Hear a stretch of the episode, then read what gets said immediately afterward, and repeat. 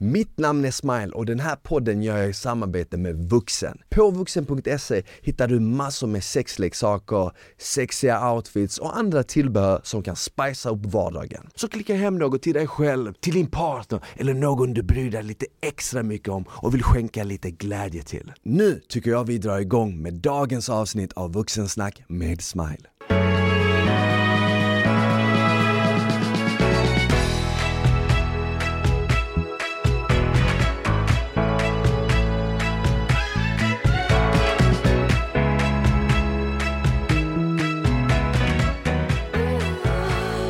Hej och välkomna tillbaka till ett nytt avsnitt av Vuxensnack med Smile. Mitt namn är Smile, jag hoppas det är bra med er och att ni har haft en riktigt skön påsk.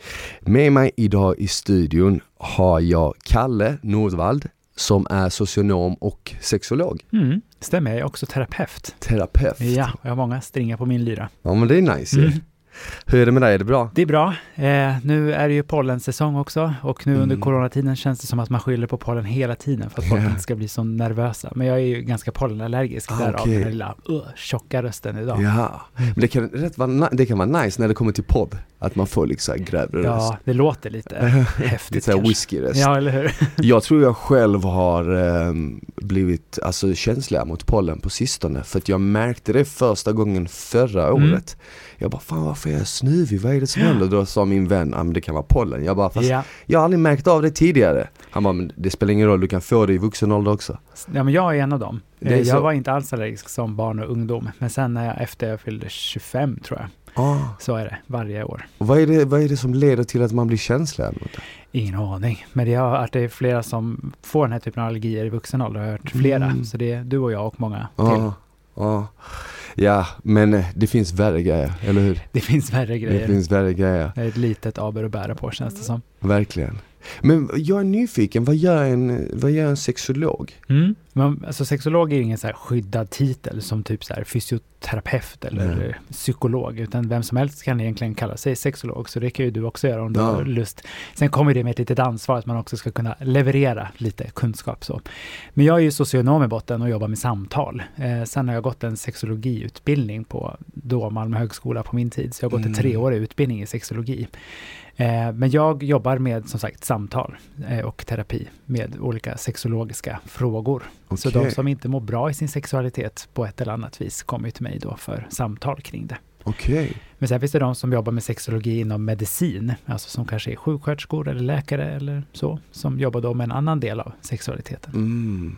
Vad var det med sex som fångade ditt intresse? Alltså som barn var jag alltid nyfiken på de här temana som andra vuxna liksom hyschade kring. Mm. Eh, så här bara, när typ vi barn kom in och märkte massa, vad är det de pratar om? Yeah. och sen när jag själv liksom blev ungdom och eh, fattade vad de hyschade kring så blev jag väldigt nyfiken. Eh, så jag har varit nyfiken på, inte liksom att göra göra själva sexet kanske nödvändigtvis, utan så här, hur kommer det sig att det hyschas så mycket kring det? Yeah. Eh, och liksom psykologin då, där är inte ord för när jag var i den åldern, men psykologin bakom varför vi hyschar och varför det är sådana här saker som vuxna inte vill eller kan prata om. Eh, och sen har det intresset bara följt med. Okej. Okay. Var, varför tror du det är ett sånt hysch kring det? Jag tror delvis för att många vuxna generellt sett tänker att man måste kunna det. För att liksom delvis då kunna prata med barn men också sen för att ligga med någon annan. Att man måste kunna saker och ting för att man ska våga prata om det. Mm. Eh, men det är något jag lärt mig under alla utbildningar jag har gått. Är att jag kan typ mindre och mindre ju mer jag studerar det. Vilket också gör det väldigt spännande att arbeta med. För oh. att det är så otroligt individuellt. Vilket gör det här till världens bästa jobb skulle jag säga. Mm. Det känns, jag får en känsla av att det kanske också kan ha lite så religiösa anledningar varför det har hyschats. Alltså om man tänker tillbaka i tiden mm. liksom. Mm. Då det var väl eh, någonting som var nästan lite förbjudet. Mm. Och eh, det finns säkert än idag kulturer runt om i världen var det, eller det vet vi att det Absolut. finns liksom vad man i princip inte får prata om ja. det. Och det finns länder var det liksom finns dödsstraff mm. om man är öppen med sin sexualitet. Och sånt. Så kan det ju också bero på religion och kultur på mm. det viset. Ja, mycket tradition tänker jag. Ah. Att vi liksom har en tradition att prata, eller inte prata, mm. om sexualitetsyttringar och relationsformer och så vidare på ett sätt som skadar många människor. Eh, det är ju inte bara liksom religionsmässigt, alltså mm. bibel och så vidare, alla de här religiösa texterna eh, som gör att det liksom står exakt hur man får och inte får göra, utan det är mycket tradition också. Ja, verkligen. Vi, det känns ju ändå som att vi här i Sverige, eller Skandinavien överlag, har varit rätt lyckosamma när det kommer till det. Vi Mm. har ju ändå kunnat prata om det eh, mycket mer öppet än i Ja. många andra delar av världen, speciellt nu på sistone. Mhm. Men så kanske det inte alltid har varit i Sverige. Nej, så vi i Sverige brukar jag säga lever lite på gamla meriter, alltså den svenska synden som ju porträtterades för flera decennier sedan om att vi skulle vara så otroligt frigjorda när det kommer till sexualiteten, Mm. att vi liksom går nakna på gatan utan det är ett problem så. Eh, och så är det ju faktiskt inte, utan vi i Sverige är faktiskt ganska kassa på att prata om sex. Men vi har ett internationellt rykte om att vi skulle vara jättebra på det, men det Aha. stämmer inte riktigt. Eh, utan det är som sagt gamla meriter från den svenska synden, diskursen typ. Aha, okej, så, så, så då på den tiden, då kanske det var så? Ja men det var lite mer så, Ja. eh, att det var lite mer frigjort eh, liksom på det glada 70-talet och hur vi tänkte kring sexualiteten då som någon frigörande kraft inom oss. Ja, ja. Eh, och den tanken finns ju förstås kvar från, hos många idag, men det är mycket mer reglerat och det ser vi ju liksom, i om vi ska ta lite större perspektiv, på Europa ser vi också nu att det blåser en något mer konservativ Mm. vind, alltså att det ska vara lite mer det som vi kallar för normalt, inom ja. citationstecken. Och varför, varför tror du det har blivit så? För det känns ju som att vi borde gå åt andra hållet liksom. Mm. Men att vi liksom går bakåt nästan Ja. nu, om man ska kalla det Mm, bakåt. ja, men, men- på sätt och vis är det ju det. För att liksom, vi går ju från att inte alls få prata om sex till Precis. att vara det här folket som är så här öppna, Ja. härliga och Mm. prata om det. Till att nästan gå tillbaka till att nej, nej, nej, nej det där blir Ja. lite för mycket av det. Men alltså vi människor är ju lite dumma i huvudet som art. Alltså vi glömmer snabbt, eh, vilket gör att de här trenderna går liksom lite fram och tillbaka. Ja. Eh, att det liksom går i cykler. Lite fram. Vi kan ta alltså, frågor om alla sexualiteter egentligen. Homosexualitet som ju rent traditionsmässigt har ju varit någonting som vi inte pratar om. Ja. Och gör vi det så ser vi gärna problemen. Sen så är liksom, går det till att det är snarare positivt och att det liksom så här, klart man ska få, men som du säger, man ska få leva i den sexuella läggning man identifierar sig som. Och sen går det tillbaka något. Vi ser ju flera länder som börjar lagstifta och att man ska ha hbtq plus-fria zoner och så vidare i Polen Mm. exempelvis.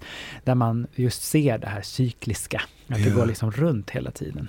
Det är nästan som att om det går för mycket åt ett håll så måste det gå tillbaka till det andra. och Precis, liksom. den berömda pendeln som liksom Ja. går fram och tillbaka, fram och tillbaka. Ja men verkligen. Så vi lär oss ju inte så ofta om historien och det ser vi i många frågor, inte bara sexualitet utan Mm. även- inom politiken. Ja.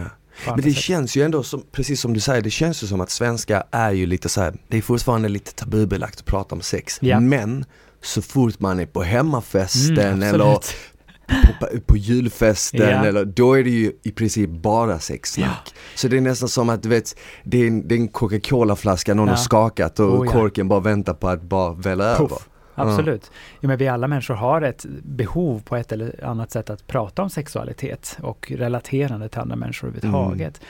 Och eh, alltså när jag är på fest och berättar att jag är sexolog till exempel, för de som inte känner mig innan, blir väldigt intresserade. Eh, Ja. och det är inte helt ovanligt att den här berömda kompisen har någon fråga som de ställer också till mig under festerna.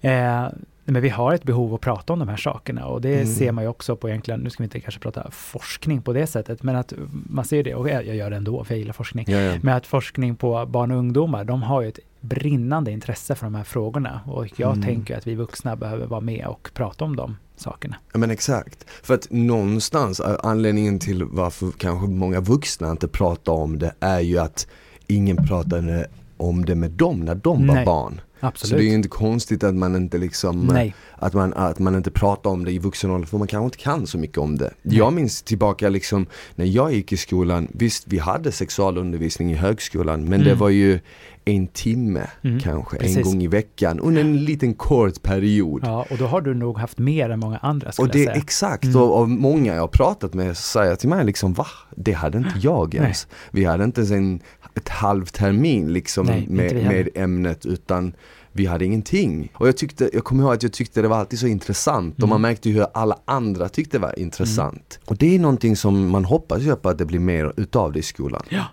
och det kommer ju. Det- Det har ju fattat ett beslut att eh, liksom det ska bli en obligatorisk del på lärarprogrammet eh, att också kunna undervisa i de här temana, vilket är typ så ett äntligen beslut. I Sverige har vi haft obligatorisk sexualundervisning sedan mitten på 50-talet. Eh, först i världen faktiskt. Men mm. den har ju varit bristfällig sedan dess, om jag får yeah. lite hård i min kritik. Eh, och då hoppas jag att den här nya satsningen ska göra mm. förändring mm. för liksom nästa generation. Så de har med andra ord varit väldigt sega på att uppdatera det? Ja. Ja. Det handlar ofta om eldsjälar och lärare som tycker att det är en viktig fråga som gör ja. att det liksom blir en viktig fråga för vissa årskullar. Ja men verkligen. Sen känns det någonstans ändå som att det måste också ske ett väldigt stort så här generationsskifte. Jo men det tror jag. De som satte mm. de här reglerna och ja. lagarna i kraft Absolut. måste liksom i princip gå i pension. Och det måste komma en yngre befolkning som vill liksom ta tag i det här. Ja, och jag tror att många av eldsjälarna går ju också i pension. Eh, men jag ja. tror absolut att det behövs lite energi i de här frågorna och de som redan är lärare, de har ju inte fått samma kunskap som då blivande lärare kommer Nej. att få. Men vi får se. Jag, har, mm. jag är hoppfull. Ja, men nu med allting som råder i Sverige och världen runt om, ja. mestadels eh, pandemin såklart ja. som har pågått i över ett år ja. nu, vilket är mm. helt sjukt. Mm. Jag satt ju liksom, jag började podd, jag startade igång podden för strax över ett år sedan när mm. pandemin precis eh, bröt ut och då satt jag här och var så jävla kaxig och bara, mm. ja men det här är en månad, sen kommer ingen komma ihåg det här med. Ja. För att jag är en sån jävla optimist du vet. Men här sitter vi liksom ja. 13 månader senare och det är fortfarande samma skit om mm, man får säga mm. så. Men hur, hur, ser du att Corona och den här isoleringen har påverkat vårt sexliv? Både singlars och eh, Absolut. folk i förhållanden. Jag fick ju den, just den frågan av en journalist då för ungefär ett år sedan också, det här blommade ihop. Och jag svarade då så här, men jag tror att liksom det sexuellt och relationellt så kommer det här pandemin liksom bringa något fler bebisar och mm. något fler skilsmässor. Och nu ett år senare med något mer information eh, så tänker jag att ja, de här bebisarna blev det ju inte direkt eh, lika många om man kollar på statistiken. Vi ser att det har ansökts om något fler skilsmässor eh, i jämförelse med året innan. Det är inte radikala siffror, men vi ser att det är något fler. Och för de som liksom lever i singelhushåll ofrivilligt, ja, de har ju rekommenda samma rekommendationer som oss alla och det är ju inte ligga runt. Eh, utan man ska välja en som man ligger med. Eh, mm. det vet vi har inte riktigt efterlevts. eh, men de som tar rekommendationerna på allvar, de känner ju som jag har förstått liksom, rapporteringarna, en större nivå av ensamhet. Mm. Så där har det blivit mindre sex med andra. Men vi ser ju samtidigt också att sexleksaksförsäljningen har ökat radikalt. Den har det? Hela världen. Mm. Jag tror att Italien var det typ så här flera hundra procent ökning. Oh, någon rapport jag såg. I Sverige är det kanske inte lika högt men det har skett en ökning. Ja, ja exakt. Så det kan ju också nästan, det låter ju nästan också som att den här isoleringen har fått oss att kanske lära känna vår egen kropp mycket bättre. Ja, och det är ett tips jag brukar ge. Så här, ja. Hur ska vi göra nu då? Ifall man vill ha sex med andra, vad ska vi göra nu när vi har de här restriktionerna? Och då ger jag just det svaret, som, eller det tipset som du kommer nu. Men så här, lär känna din egen kropp och börja fantisera vad du själv önskar. Mm. Att liksom ta tillvara på den tiden och reflektera kring vad vill du ha utav din sexualitet på längre sikt. Ja men verkligen. Så, det, så med, vi har ju också, det låter ju som att vi också har klarat oss mycket bättre ur krisen när det kommer till sex än vad, vad du trodde kanske för ett år sedan. Ja. Inte lika många skilsmässor, inte, mm. inte lika mycket eh, bebisar. Men eh, vad tror du kommer ske efter när alla mm. restriktioner försvinner? Tror du att folk kommer liksom söka sig ut till varandra mm. och bli mycket närmare och mer kärleksfulla? Eller har detta på sätt och vis kanske blivit ett nytt normalt? Åh, oh, jättebra fråga. Eh, jag tror att det kommer vara så här att alltså när restriktionerna lättar och vi är vaccinerade och alla är relativt glada så tror jag att vi kommer vara så otroligt socialt törstiga. Att mm. vi kommer liksom sitta på uteserveringarna även fast det skulle vara 20 minus och snöstorm för att vi just vill vara nära andra. Ja. Eh, och det kommer absolut knullas runt, det är jag övertygad om. Så vi kommer mm. säkert se en viss ökning på de här sexuellt överförbara infektionerna, alltså typ klamydia och gonorré yeah. och de här godsakerna. eh, ifall man inte använder kondom, vilket är bra skydd mot det. Eh, men jag tror absolut det kommer in, initialt bli alltså, ah. erotiskt ah. eh, och att det sen kommer lägga sig lite. Ah, så det kommer liksom precis. liksom bli så första vågen då, fast med snusket snarare än med virus. Eller så går vi tillbaka till att ha det där uppfylla det där ryktet som vi hade sa du? Ja, det, så kan det också bli, men jag tror att vi människor också har en tendens att liksom glömma eh, och ja. så gå tillbaka till något normalt. Eh, och just nu är det ett ganska onormalt normalt vi lever under. Ja, men eh, verkligen. Så vi, ja, vi får se vad, vad som händer. För jag märker ju som singel har jag ju märkt under corona att jag själv skaffade Tinder till exempel. Ja. Jag hade ju Tinder Ja. innan corona liksom, Ja. två, tre år sedan. Och sen skaffade jag Tinder när corona bröt ut Mm. och då tyckte jag att det var mycket, mycket mer folk på plattformen. Mm. Nu vet jag inte statistiken men jag såg jättemånga bios. Ja, Ja. nu gör jag det här ett försök eller ja. Ja. nu är jag här och första Ja. gången jag är här. Ja. Så det känns rent så här, det känns generellt som att fler människor börjat använda Mm. datingappar. Men jag tror jag faktiskt delar den känslan eh, som du beskriver. Nu är jag inte singel själv, men jag har många singelvänner och många som går i min, hos, på min mottagning som är singlar, Mm. som just tänker så här, men det som jag har kommit fram till nu under det här året när jag ändå har suttit hemma och reflekterat, är ju att man vill ha en relation. Ja. Eh, och då laddar man ner appen och liksom försöker ändå hitta ett corona-anpassat sätt att dejta. Mm. Eh, och det går ju. Alltså det är ju inte så att man måste isolera sig, om man inte har symptom förstås, då ska man isolera sig. Men det är ju inte så att du inte får träffa människor, utan man ska Nej. göra det på ett liksom säkert sätt med den här distansen mellan, kanske träffas utomhus och gå en promenad till exempel. ja men exakt, exakt. Så vi är ju fortfarande törstiga på det sociala myset. Precis. Och, och då är ju sociala medier, även om det blir, får ju mycket bashning så är det ju en stor anledning till att vi fortfarande kan ha kontakt med varandra är ju på grund av liksom eh, Oh ja. eh, Facebook, Instagram, allt vad det är. Men hur ser du när du tänker på teknologin och allt det som finns i, idag som inte fanns kanske på ja, men det glada 70-talet. Hur ser du att det har påverkat eh, våra sexliv rent så här psykologiskt? Mm. Eh, alltså både bra och dåligt. Eh, förstås väldigt indi- individuellt. Mm. Jag tänker att är det bara liksom tillfälliga ligg man vill åt så är ju Tinder, Grindr och andra typer av sidor och appar Mm. jätteeffektiva. För det är bara att ta upp telefonen, kolla vem som är närmast och fråga. Liksom. Ja. Så där är ju tillgängligheten lätt om det liksom är det man är ute efter. Är man ute efter en relation så finns det ju också motsvarande appar. Eh, vissa använder ju Tinder som liggapp, andra som relationsapp. Att man ändå liksom hittar sätt att använda apparna till sin fördel. Ja. Sen finns det ju den mörka sidan som av alla mynt eh, så finns ju också en större exploatering, alltså utnyttjande av barn ser vi ökar. Mm. Eh, och under pandemin ser vi också att det ökar särskilt. Eh, så det är ju liksom både plus och minus. Ja.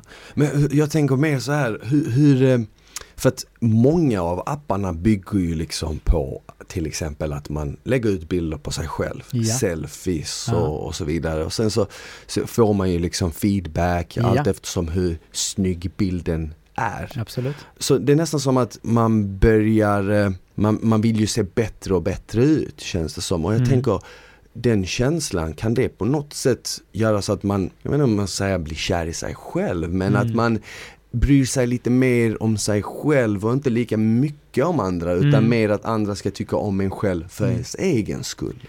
Jag tänker om det på något sätt Mm. kan påverka Ja, men alltså jag har en studie som jag tog del av för några år sedan, just kopplat till det här med selfies och vad det, hur det Mm. gör med självbilden. Och just det resultatet var faktiskt tvärtom än vad jag själv trodde, utan då märkte man att de som tar mycket selfies har Mm. en större liksom, tillåtande inställning till sitt utseende.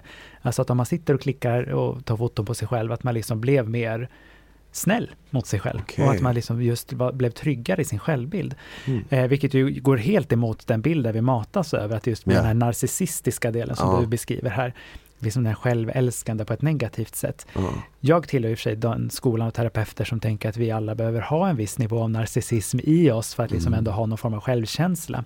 Sen om det är via liksom snygga selfies eller liksom halvnakna bilder, då kan jag känna så här, men vem är jag att bestämma om det är bra eller dåligt? Men att Mm. ändå liksom diskutera på flera nivåer. Okej, men för dig som individ kanske det är jättepositivt. Ja. Men vad gör det liksom med andra normgivande system? Man ska vara lite Mm. torr här. Men alltså vad, hur påverkar vi andra i det? Ja. Ja, både och. Så tråkiga svar. Men Mm. så här, det Nej, beror på men- kanske och Ja men det är sant. Men, men, men jag tänker ju också som du sa det här med att det är så mycket mer sex och hud exponerat Mm. idag än vad det var för många år sedan liksom. Nu Mm. när man går in på, och jag är också skyldig till det, jag lägger ut bilder i bara så här boxershorts ibland och jag Mm. tänker ju inte så mycket på det men jag ser ju på kommentarerna att många Mm. Tänker på bilderna väldigt sexuellt. Okej. Medan jag själv tänker så här, men det här är en bra bild för att marknadsföra eh, träning, hälsa, Ja. min, min PT-tjänst. Ja. Så finns det ju många som ser det för det. Ja. Men sen finns det ju många som ser det för eh, bara ren sex liksom så. Mm. Mm. Och, och det, det känns ju också som att undrar om den exponeringen gör oss mer sexuella och kåtare eller Mm. om det härdar oss och gör liksom att vi blir mer så här Mm. ah, ah, ja det är bara, bara, det är bara liksom ett par bröst eller det är bara Ja. en snopp eller det är bara, det är ingen big deal. Alltså vi människor är ju programmerade att liksom bli lite mätta på Ja. saker och ting, allt det goda. Eh, alltså oavsett om det är att titta på naken hud, dricka god lemonad eller köpa snygga kläder så tröttnar vi till slut lite Mm. grann. Och det är ju för att liksom vi hittar andra intryck och vi också har lite andra saker att göra än bara sitta och göra en viss sak. Att vi måste också jobba, vi måste dammsuga och vi måste handla liksom. Vilket gör att det är inte så att det liksom blir ett missbruk i den bemärkelse som typ alltså alkohol. Att Nej. det liksom blir samma kemiska beroende så. Men vi människor behöver också ha bekräftelse. Ja. Det, det är ju en drivkraft som vi alla människor har gemensamt som också igen tar sig uttryck på olika sätt. Eh, frågan är så här, okej, det, uh, uh, om du då Smile bara får bekräftelse via att lägga ut vissa, eh, vissa bilder med dig bara i boxershorts, om det är liksom Mm. det enda sättet du får bekräftelse, ja men då kanske det är lönt att söka upp en terapeut och prata om hur kommer det sig att det är det enda sättet. Ja. Eh, men vi har ju också andra arenor att få bekräftelse på. Arbetet, din PT-tjänst, Mm. din podcast. Alltså du har ju också fler. Och sen tänker jag också att du är en trevlig kille som säkert har många vänner där du också blir bekräftad på andra sätt och inte bara i ett yttre. Mm. Eh, så då har du liksom den här variationen på hur man också får bekräftelse. Mm. Mm. När det kommer till ehm, när det kommer till eh, sex, själva akten, Mm. finns det, finns det någon sån här tumregel på hur mycket sex man ska ha? Det är ju en av typ de absolut vanligaste frågorna jag får. Ja men jag kan tänka mig det. Så här, vad, är det, vad är det som är det normala? Ja, Eh, exakt. och det här begreppet normalt har ju vi sexologer en tendens att ha som rykte att vi ska säga att allt är normalt. Men jag tänker snarare att den inställningen handlar om att jag som terapeut och sexo- eller sexologiskt inriktad terapeut behöver liksom ha ett öppet klimat för att diskutera just så här, Precis. vad mår du bra av och inte. Eh, det finns vissa studier som visar att man ska, ska ha, inom citationstecken, sex tre gånger i veckan. Då blir man som Mm. lyckligast. Har Okej. man sex mindre än det blir man olycklig, men man blir inte lyckligare för att man liksom har sex fler gånger än tre gånger i Mm. veckan. Den här, de här typen av studier tycker jag tåls att kritisera. Mm. Delvis för att definitionen på vad sex är, är väldigt olika. Så det är så här, okej, men vad är det? Är en kram kan ju uppfylla samma typ av bekräftelse eller njutning som ett fullbordat samlag till exempel Mm. i vissa fall. Eh, och vad är lycka? Det är fortfarande Ja. en fråga som forskningen har väldigt diffusa svar på. Eh, så här igen i samma svar, ja det beror på. Ja. Hur mår du? Ja men det är nästan en, den, den blir nästan en filosofisk fråga liksom. Eller hur? Verkligen. För det är, Oh, det är som du säger, vad är lycka och vad, och sen jag ser det ju också som så här, jag jämför det med träning till Mm. exempel. Jag tror det finns folk som, det räcker att de kanske tränar en gång i veckan och de känner att ah, det här är perfekt. Jag Ja. älskar att jag har ett um, kickboxningspass Ja, varje onsdag, precis. det räcker. Sen finns det ju de som, å andra änden som jag till exempel, går till gymmet fem gånger i veckan, Ja. sex gånger i veckan. Och som aldrig skulle kunna träna mindre än fem pass för Mm. då skulle de inte vara lyckliga. Mm. Så det känns ju nästan som att vi är lite för många kanske och för stora intressen för att säga ja men detta är rätt mängd sex kanske. Jag tycker det är en jättebra liknelse också här med träning, Ja. för vi har, det gäller att sätta saken i sin kontext. Ja men Vi är ju i olika situationer i livet också. Jag menar, när vi är pubertala och strax därefter, då är vi ju kåtare någon, någon annan period i livet, om vi liksom ska tänka generellt sett. Så då kanske vi liksom vill ha sex på ett annat sätt än när vi Mm. är 65. Ja men För vi, när våra kroppar och våra psyken har åldrats, och då behöver man också tänka om. Finns det, några, finns det någon statistik på hur mycket sex eh, folk i Sverige har, alltså i förhållande generellt? Alltså det har studerats några enstaka gånger, men vi i Sverige har en tendens att inte vilja svara eh, på sådana här typer av Mhm. enkätstudier som då eh, görs för att liksom undersöka med hur har svenskar sex så att säga. För de är ju anonyma. Eh, ja, men man vill inte berätta ändå. Nej, okej. eh, och så finns det en, det finns ju vissa studier, alltså en jättestor studie som gjordes på 90, i mitten på 90-talet som heter Sex i Sverige, Okej. eh, som vi ofta refererar till fortfarande. Nu kommer jag faktiskt inte ihåg siffrorna exakt där, men där har, det är fortfarande den största studien vi har i Sverige kopplat till hur vi ligger med varandra. Mm. Eh, men som man försökt göra liksom replikor på det, men folk svarar inte. Så man Oj. får liksom inte den typen av underlag man behöver för att kunna göra sådana här generaliserande svar. Nej exakt. Eh, men jag tänker på ett sätt eller ena delen av mig tänker så här, ja det hade varit jättespännande att veta den här statistiken. Ja. Den andra delen av mig säger, men huvudsaken är att du mår bra. Den här konstanta jämförelsen med hur andra ligger. Men spelar det någon roll? Om jag och min partner mår jättebra av att Ja. ligga en gång varannan månad Exakt. och så går det liksom emot vad andra gör. Men Mm. spelar det någon roll? Nej, nej men verk, det tror jag, det, det har en väldigt bra poäng. Jag tror nog inte det spelar någon roll om man, är, eh, om man trivs och mår bra i sin Nej. relation. Om det är en gång om dagen eller en gång i månaden. Precis. det är Huvudsaken är, det som jag eftersträvar väldigt ofta i parterapier som jag har, det är ju att göra saker talbara. Mm. Okej, men om du känner att det här blir svårt och du tycker att det här är bra, kan man hitta någon kompromiss och försöka liksom göra Ja. ändå många gånger känsliga frågor ändå så talbara som möjligt.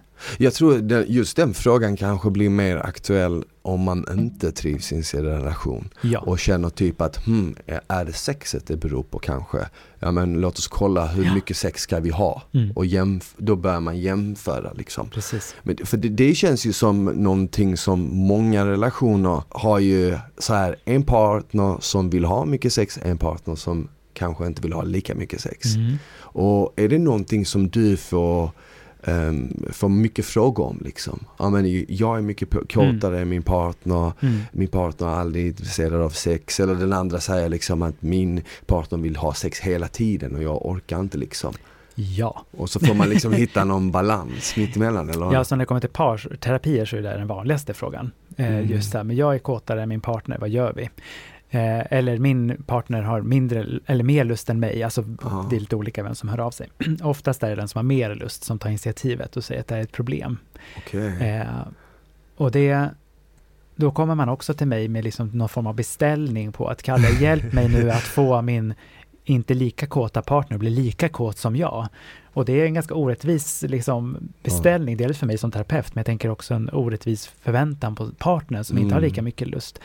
Eh, utan det handlar ju om den här berömda kompromissen någonstans. Ja. Att så här, men det går inte att komma hit upp på en liksom lika jättehög nivå. Nu ska jag försöka göra det här liksom ja, ja.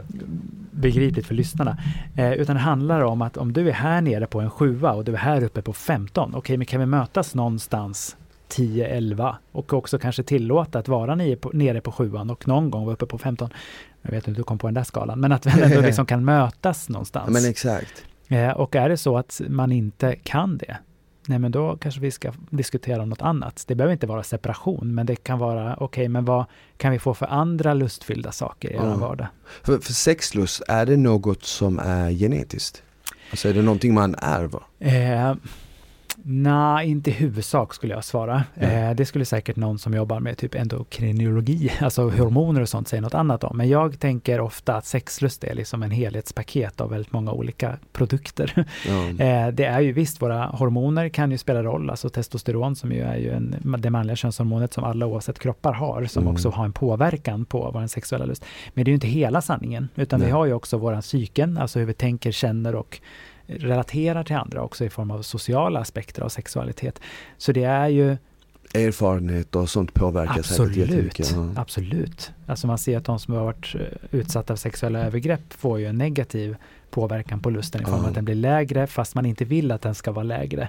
Och det är ju för att man har varit med om ett trauma många gånger. Ja men exakt. Och det, det kan jag tänka mig. Jag minns liksom första gången man själv skulle ha sex. Då sa alla andra killar i, i klassen Åh nej, fan första gången, du kommer komma så jävla fort. Mm.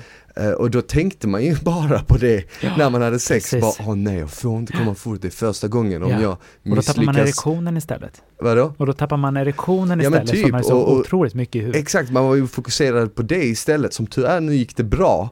Ja. Men, men jag tänker bara att fan, man skulle ju kunna få en dålig erfarenhet bara av en sån incident som Oh ja, senare oh skulle ja. kunna påverka en väldigt mycket längre fram. Och det är, här, det är också en ganska vanlig ingång till psykoterapi, att man kommer så här, men jag har jättesvårt att relatera in i sexet, jag kan inte slappna av, jag är bara i tanken hela tiden. Och så när jag då börjar grotta lite i deras liksom, sexuella karriär, eller vad man nu ska kalla det för, mm så är det just så här, ibland en händelse som hände för 40 år sedan ibland. Då det var någon partner som hade kanske fnittrat till vid fel tillfälle. Och så har det liksom etsat sig fast i minnet.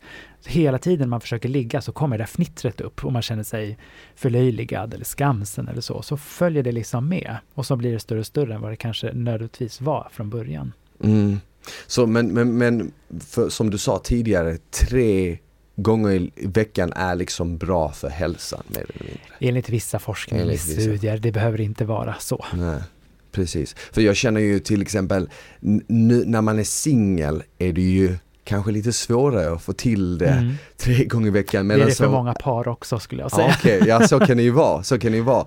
Jag, jag själv bara haft förhållande en gång och det var ju inte ett förhållande som var jättelänge så det kanske inte han, sexlivet hann inte dö ut. Mm riktigt. Mm. För det känns ju som att när jag pratar liksom med vänner som har haft förhållanden länge ja. eller bara när, liksom när man träffar folk på krogen och man snackar och de kanske har haft förhållanden mm. väldigt länge. Så känns det ju nästan som att sexlivet i ett förhållande är som en backe som bara liksom rasar neråt Aha, med tiden. Okay. Eller, ja. Du vet så om du liksom har Mm. sex kanske en gång om dagen i, i början så blir det ja, varannan dag. Ja, Exakt och sen oh, ja. så blir det tre och sen så blir det till slut så känns det som att det kan vara liksom aldrig.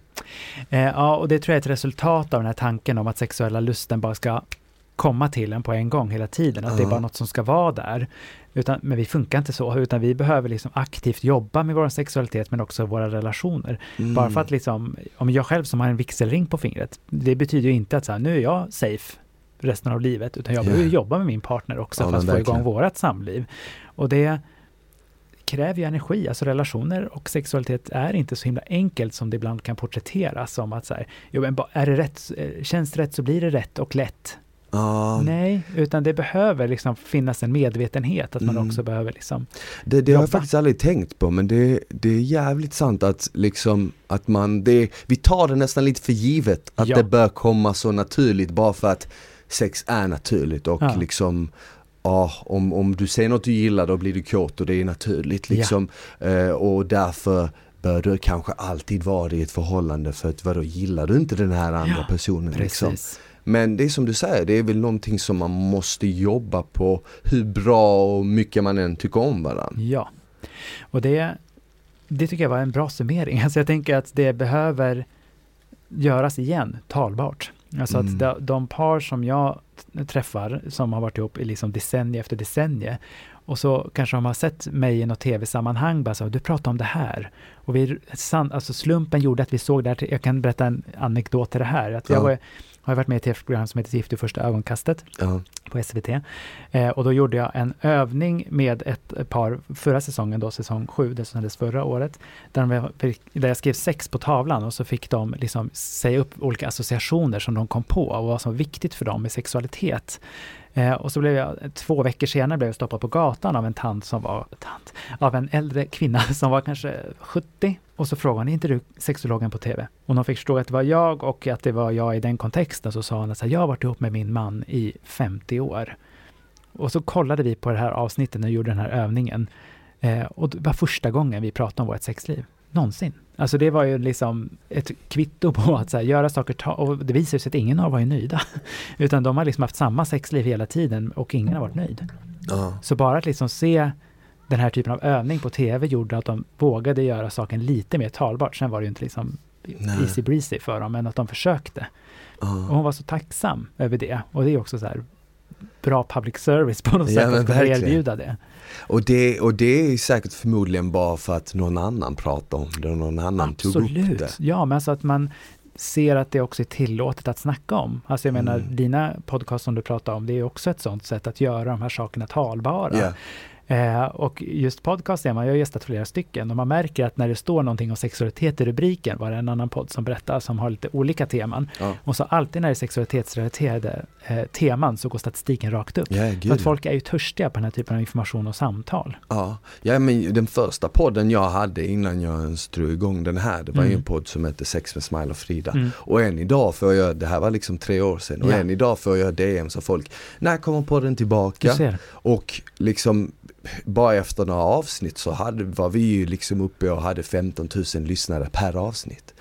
Det, det, så så det slutade med att vi hade, jag gjorde ett program som hette Sex med Smile där jag mm. åkte runt och träffade, jag, jag var allt på, ifrån på en swingersklubb och liksom till att träffa ett äldre par yeah. och pratade, de kan också ha varit 70 plus, mm. ett äldre par och pratade om sex med dem.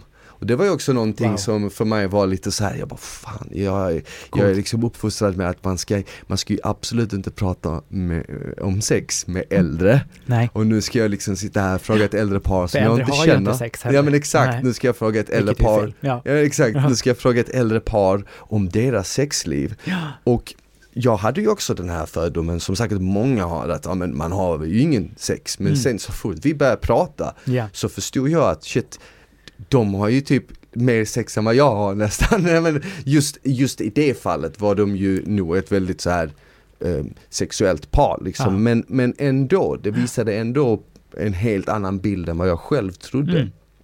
Och det visade också på att, eh, ja men vad fan vi alla är ju människor och alla har ju varit unga, Mm. alla kommer ju förhoppningsvis bli äldre. Så hur mycket, Precis. Hur mycket ändras ändå liksom? Men vi, blir ju, vi är ju friskare nu än någonsin som Mm. art, vi människor. Ja. Och vilket då gör att vi också lever längre, vilket då också innebär att vi har ju sex också längre upp i ålder. Ja men exakt. Eh, så det är inte heller så konstigt, alltså det, här- det kommer vi absolut behöva prata mycket mer om generellt sett. Att så här, vi har också sex efter vi fyller 40. Ja men exakt. Finns det någon eh, statistik? När, när, vad sa du? Som att det nu skulle vara gammalt. Ja, Jag, inte, jag närmar mig dit snart, så jag vet inte. Men jag tänker att det ändå, det, det säger någonting av ett samhälle, för vi är också helt besatta av ungdom. Jag tänker också Ja. kopplat till ditt, eh, det är fråga om sociala medier. Ja, Det är ju inte konstigt att vissa konton liksom har fler följare jämfört med andra, och det är ju Mm. ofta unga människor. exakt. Ja ja, gud ja. Fast vi ser att alla, av alla åldrar har ju konton på de här. Ja men precis. Men finns det någon, eh, finns det någon statistik när man ska ha mest sex i livet? När ungefär folk har det? Eh, Nej, men när man mår bäst. Ja. Det brukar vara en så rimlig riktlinje att, och det är ju olika. Eh, Men vi ser ju att sexet tar sig uttryck på olika sätt. Mm. Och det har ju med enkla, inom citationstecken, anledning att våra kroppar förändras. Alltså våra funktioner förändras. Eh, våran liksom förmåga till erektion då, av vad som har penisar, det blir egentligen sämre efter 30. Ah, Så jag menar, det händer just för att kroppen åldras. Okej, så efter 30 redan blir Ja, det? ungefär. Alltså. Ja. Men det är, det är inte så att det går spikrakt neråt. Nej. Men att det är, tack och lov. Men att det är, för jag menar, en erektion är för väldigt många liksom en källa till njutning. Mm. Sen är jag en av de terapeuterna som tycker att man ska bredda perspektiven på att man också kan ha sex på andra sätt som inte Ja. behöver ha en penis som är så hård liksom. Nej. Utan att vi ändå kan göra annat som också är skönt. Ja men precis. Men för att jag minns, jag vet inte, jag tror det var en sexterapeut, det var någon jag pratade med länge sedan som Mm. sa att vi har mycket sex när vi är unga och sen kommer det en period när vi har mindre sex och Mm. sen får det ett sving uppåt när vi blir äldre igen. Det är nästan som att vi är väldigt så här, i, mellan 30 till 50 kanske vi är väldigt upptagna med jobb, Ja. familj och andra saker som nästan stressar oss. Ja. Det, mer, det, har, det hade inte så mycket med åldern att göra i sig utan det var mer Mm. eh, saker som hände i livet. Precis. Som stress, jobb och sådana saker. Som Ja, men stress är den största lustboven i Ja. världshistorien. Menar, för det, stress finns ju där för att vi ska fokusera på det som stressar oss. Mm. Eh, Okej, för då, då får vi det här tunnelseendet för att liksom rikta in oss på att lösa det. Och då är liksom, syftet är ju att vi inte ska fokusera på något annat. Så blir Nej. man jättestressad över något annat som inte har med sex att göra så är det klart att sexet försvinner. Det blir sån fight or flight mode liksom. Typ så, Ja. absolut. Ja, för jag, jag, precis som du säger, eftersom vi är friskare än någonsin nu om man Mm. tänker liksom 200 eller 300 år tillbaka. Ja. Folk lever ju längre än någonsin. Ja. Även om det finns länder var det faktiskt har börjat vända trenden Mm. nu. Eh, men, men i Sverige i alla fall. Mm. Och det, hälsa är ju en indikation på liksom eh, att man eller att liksom hålla igång, som jag märker på mig själv, att träna, hålla igång, äta hälsosamt och sånt. Det ökar ju på sätt och vis sexlusten också. Mm, det kan det göra. Eh, för jag, jag kommer ihåg liksom när jag har haft perioder där jag inte har liksom rört på mig lika mycket och haft en period där Mm. jag eh, åt skräp Mm. när jag var yngre och liksom festade mycket och drack och sånt. Då var jag ju, jag var inte lika liksom sugen på sex. Nej. Medans har man liksom, rör man mycket på sig och sånt och jag vet inte om det har med liksom blodcirkulation att göra Mm. eller vad det än är. Alltså man brukar säga att det som är, är bra för hjärtat är också bra för genitalierna. Mm. Eh, för att just, det har ju säkert med blodomlopp och alltihopa att göra, men det handlar ju om en aktivitet i kroppen, att man liksom inte bara sitter ner.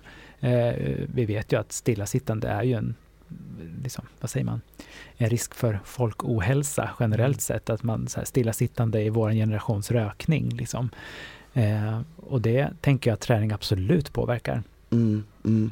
Hur ser du på, eh, porrindustrin till mm. exempel? Hur ser du att den har eh, påverkat eh, sexlivet för folk? För många är ju väldigt så här ja du, det finns ju folk som, ja man, man har hört uttrycket porrskadad dyka mm. upp ja. lite mer. Sen finns det ju ett läger som säger att ja men det är bra för en. Och eh, det är bra att kolla på porr för då onanerar du och det är mm. bra att onanera och, och det, finns, det känns som det finns två olika läger och det är mm. svårt att veta ja. vad som är rätt och vad som är fel. Men jag undervisar i väldigt många olika sexologiska spörsmål, bland annat pornografi. Eh, och det är väl den absolut mest, eh, det temat som väcker absolut mest känslor bland ja. de jag undervisar för. Just av den anledningen som du beskriver, att det är väldigt polariserat. Ja. Eh, alltså begreppet porrskadad finns det inte heller igen någon tydlig definition på vad det innebär. Eh, jag brukar inte självmant liksom välja att portion, alltså sätta mig i någon av de här facken, utan för forskningen visar ju liksom lite på båda. Mm. Eh, men sen för att liksom göra det tydligare, så jag tänker att porrindustrin, alltså själva skapandet av materialet, den har, det är en industri som har väldigt mycket problem. Mm. Eh, både när det kommer till liksom, eh, vad heter det, skyddsnät för de som är med i filmerna, de som är bakom kameran kanske liksom har en makt som inte är helt fräsch alla gånger. Eh, men det finns ju ändå delar av industrin där folk säger att de har det hur bra som helst. Ah. Som jag har förstått det så är så här, ju större studios man har anknytning till, ju mer skydd har man. Mm. Men de här liksom väldigt små som inte är reglerade, då finns det väldigt mycket utsatta människor. Ja. Det är liksom en del som vi borde prata mycket mer om. Eh, för den som tittar på pornografi så visar ju forskningen saker som kanske inte helt matchar den mediala diskussionen. Vilket jag tänker gör diskussionen ännu mer spännande med tal det som jag pratade om inledningsvis, där med mm. att jag dras mot teman som vuxna hyschar kring. Yeah. Så är pornografi en sådan fråga som jag dras till att prata om och också läsa på. Yeah. Så jag har ju läst extremt mycket forskning på pornografi och vad den kan göra för de som tittar. Eh, och det är ju olika. Ja, Även precis. här, astråkigt svar. Men, Men jag, jag, tror ju också som du säger att det, det, finns nog studier som du kan hämta som kan bekräfta vad du vill tro på.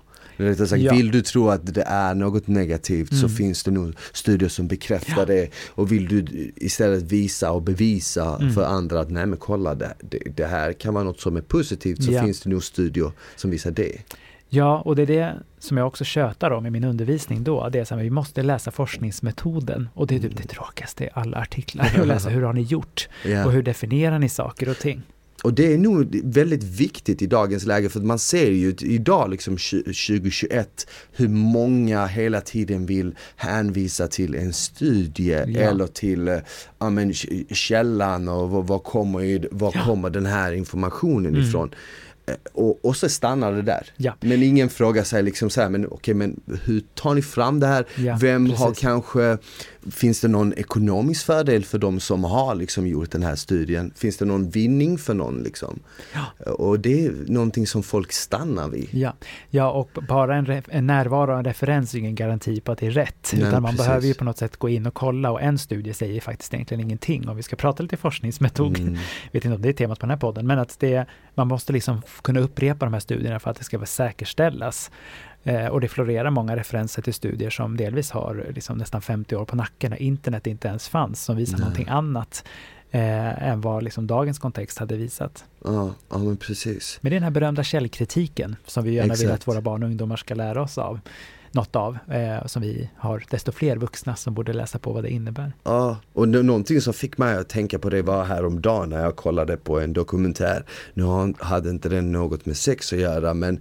Ehm, Nej, för de dokumentärerna finns ju också faktiskt. Ja, eller hur. Men det här var eh, på Netflix, den heter Seaspiracy, jag vet inte om du har sett den? Ja, den har florerat i mitt flöde men jag har inte tittat mm. på den än. Jag, jag började se på den, sett ungefär halva och där var det ju någonting som jag, som, som den här killen som gör dokumentären då går ju verkligen till grunden med alla de här checksen och alla de här verifieringarna som, som ja, finns till exempel på, på ja, men, på burkarna ja. på fisken ja. liksom, som, som vi ser som, ah, men det här måste ju vara något bra. Ja. Den här är ju märkt att det är liksom ekologiskt eller whatever. Men så ser man att det finns ju ekonomiska intressen för allt, det mesta liksom. Men eh, om vi ska eh, snacka mer sex. Mm. Eh, på tal om kvalitetsmärkning. Exakt. Avslutningsvis så undrar jag ju såklart, vad tycker du vi bör bli bättre på när det kommer till sex. Och då menar jag inte själva akten i sig utan det kanske du också tycker om någonting om. Men jag menar... Jag tycker nog något om mycket. ja, exakt. Men jag menar liksom du, du har ju nämnt att det är väldigt mycket hysch, hysch mm. kring sex. Tycker du att vi kanske bör bli bättre på att prata om det? Mm. Absolut. Mm. Och det finns ju en, liksom en motreaktion på det, så här, men då försvinner mystiken på något sätt. Okay. Ja, det kan man väl, ja, det kan man väl köpa. Eh, men jag tänker att det, kommunikation är något som vi terapeuter tjötar om hela tiden. Jag tänker att det ska vara ett steg före det, att man också ska kommunicera inåt. Alltså så här, mm. vad vill jag? Igen det här med som jag, rådet som jag ger folk inom pandemin, men ta den här stunden också och fundera kring vad du vill. Att kommunicera inåt, för det är så lätt att man också hamnar i en, en vana som kanske inte är så jävla fräsch för Nej. en själv. Att man också vågar ta sig stunden och liksom känna efter vad vill jag? Mm. Med mitt eget sexliv liksom? Ja. Ja, ja men det, det, tror jag, det tror jag är ett bra tips. Och det känns ju också som att vill man, idag finns det ju, som tur är i Sverige, finns det ju väldigt många som pratar om sex i poddar mm. och även på Youtube har jag mm. sett det mer, allt mer. Och Fördelen med sociala medier. Exakt, mm. och man ser ju så fort det, det, är ett, eh, till exempel när det kommer till Youtube, så fort det är ett Youtube-avsnitt mm. och det handlar om sex, ja. då ser man ju hur mycket mer eh, tittare det är. Absolut. Och det kan ju också bero på att alla är ju inte lika alla hem är inte lika frispråkiga när det kommer till sex. Jag, jag är uppfostrad i ett hem var det inte var så mycket, knappt ingen snack om sex. Jag hade, jag, jag hade ju liksom tjejer hemma och ja. det var, jag hade ju liksom sex hemma så men det var inget snack utöver det på det viset. Vilket nu i efterhand ändå kan tyckas vara lite tråkigt. Mm. Det hade inte skadat på något Nej. sätt. Um, och jag kan tänka mig att många kommer ju från sådana hem och är väldigt intresserade när man pratar om det. Mm. Um, så jag hoppas ju att det blir mer snack om det. Ja. Och, jag tänker att det handlar jättemycket om att skapa ett så tillåtande klimat för folk i familjen att ställa frågor. I alla fall så här, vart kan jag ta reda på det här? Man behöver inte sitta och prata om samlagsställningar med sina barn, för det Nej. tänker jag så här, det behöver man inte nödvändigtvis göra. Mm. Men att så här, ändå skapa någon form av atmosfär, att det är okej okay att ställa en fråga. Mm. Det tänker jag är det absolut viktiga, för då kan man också uppmuntra barnen att komma till en ifall ja. det är något som är dåligt som har skett, men också något som är bra. Ja. Men varför tror du att vissa är bara mer öppna och pratar om det än andra? Har det med uppfostran att göra? Ja, det tror jag. Jag tror ja. att det är en vanesak. Mm. Eh, jag menar, om jag, skulle, jag har jobbat inom sexologifältet i ja, fan blir det, 15 år någonting. Eh, och jag menar, jämför man när jag började jobba med samtal mycket mer idag och då, så har jag ju tack och lov övat väldigt mycket mer. Så nu mm. är jag ju faktiskt bättre än vad jag var då. Mm. Eh, så det, allt handlar ju om att öva. Tycker du som har jobbat med det ett tag nu, mm. när du började, tycker ja. du att folk var sämre på att prata om det då? Tycker du man blivit bättre idag? Alltså om man skulle jämföra rent tidsmässigt, nej det är nog ganska lika, men jag har blivit bättre. Ja. som gör att jag är bättre på mitt arbete. Ja. Mm. Hur, hur, ser du på framtiden då? Tror du att vi kommer, tror, ser det ut som att vi rör oss mot liksom frispråkigare tider? Ja. Att vi kommer...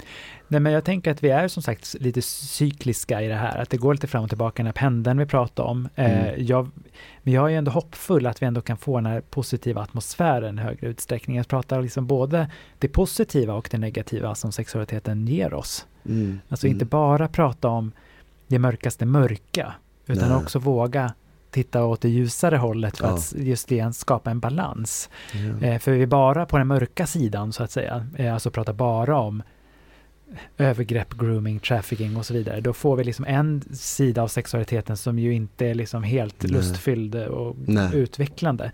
Utan vi behöver liksom prata om lust, eh, det härliga, blommor i magen, jag säga. Ja. vad säger man? Fjärilar i magen, Fjärilar, ja. eh, blommor och bin. Alltså att vi också ja. kan prata om det som är fint och hitta en balans i det. Precis. För då hjälper vi också både barn och ungdomar, men jag tänker också vuxna och pensionärer, att vi kan skapa liksom en möjlighet för folk att fatta beslut om sin sexualitet på ett mer lustfyllt sätt. Uh, och förhoppningsvis efter Corona har försvunnit, Ja. för det lär det väl göra snart. Det, det kommer att försvinna. Så, så, exakt, så tror jag också att den atmosfären kommer ju nog öppnas upp och Ja. bli lite mer så. För precis som du sa, nu har det varit väldigt mörkt, det har varit eh, väldigt dystert, ensamt. Ja, Nu måste det svinga tillbaka åt andra hållet. jag vill verkligen tro det. Ja, Jag är optimistisk. ja samma här.